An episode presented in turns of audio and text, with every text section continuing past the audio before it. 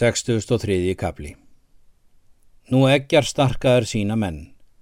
Snúa þeir þó fram í nesið að þeim.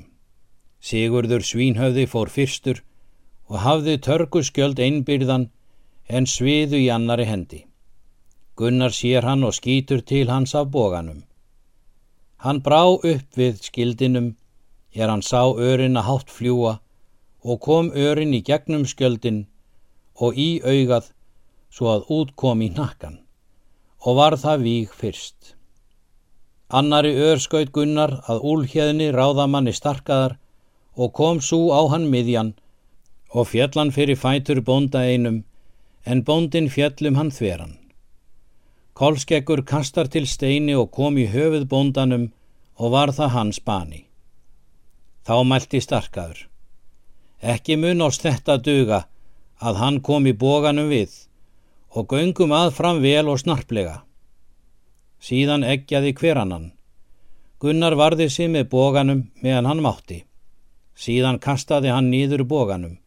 Tók hann þá atgerinn og sverðið og vegur með báðum höndum. Er bardaginn þá hinn harðasti.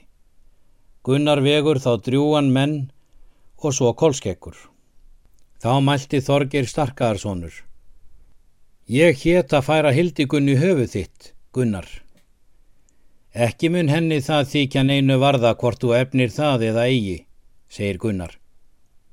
En þó mun þú nær ganga hljóta, ef þú skalt það meðal handa hafa. Þorgir mælti þá við bræður sína. Hlaupum við að honum fram allir senn. Hann hefur engan skjöld og munum við hafa ráð hans í hendi. Þeir hljópu fram börkur og þorkjall og urðu skjótar en þorgir. Börkur höggur til Gunnars. Gunnar laust við atgerinum svo hart að sverði hraut úr hendi berki. Sér hann þá til annarar handar, Þorkel standa í höggfæri við sig. Gunnar stóð nokkuð höllum fæti. Hann sveiplaði þá til sverðinu og kom á hálsin Þorkalli og fauk af höfuðið. Kólur mælti Egilson. Láti mig fram að kolskeggi. Ég hefi það jafnan mælt að við myndum mjög jafnfærir til víks. Slíkt megum við nú reyna, segir Kolskekkur. Kólur leggur til hans spjóti.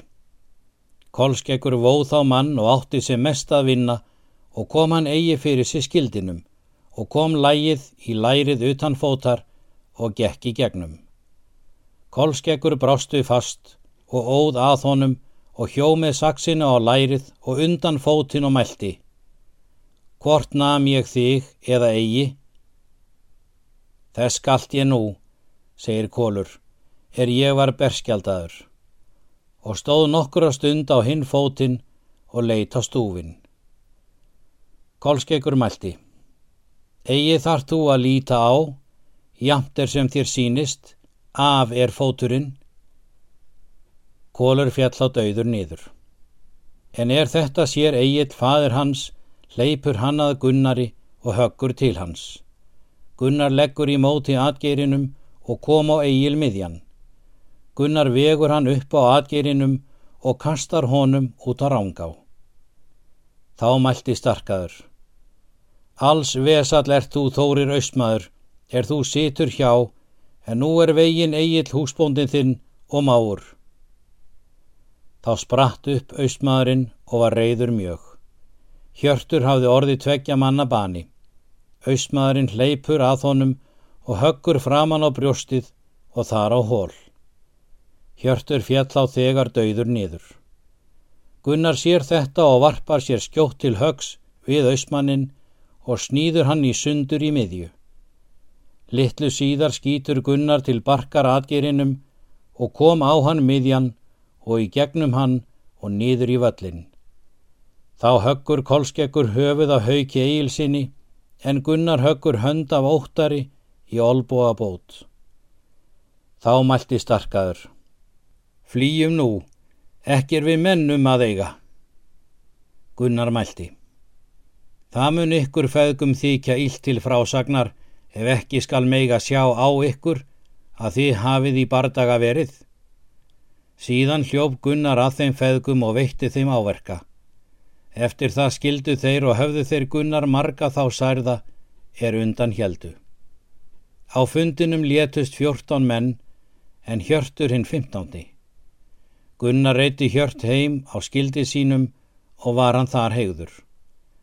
Margir menn hörmuði hann því að hann var vinsæl.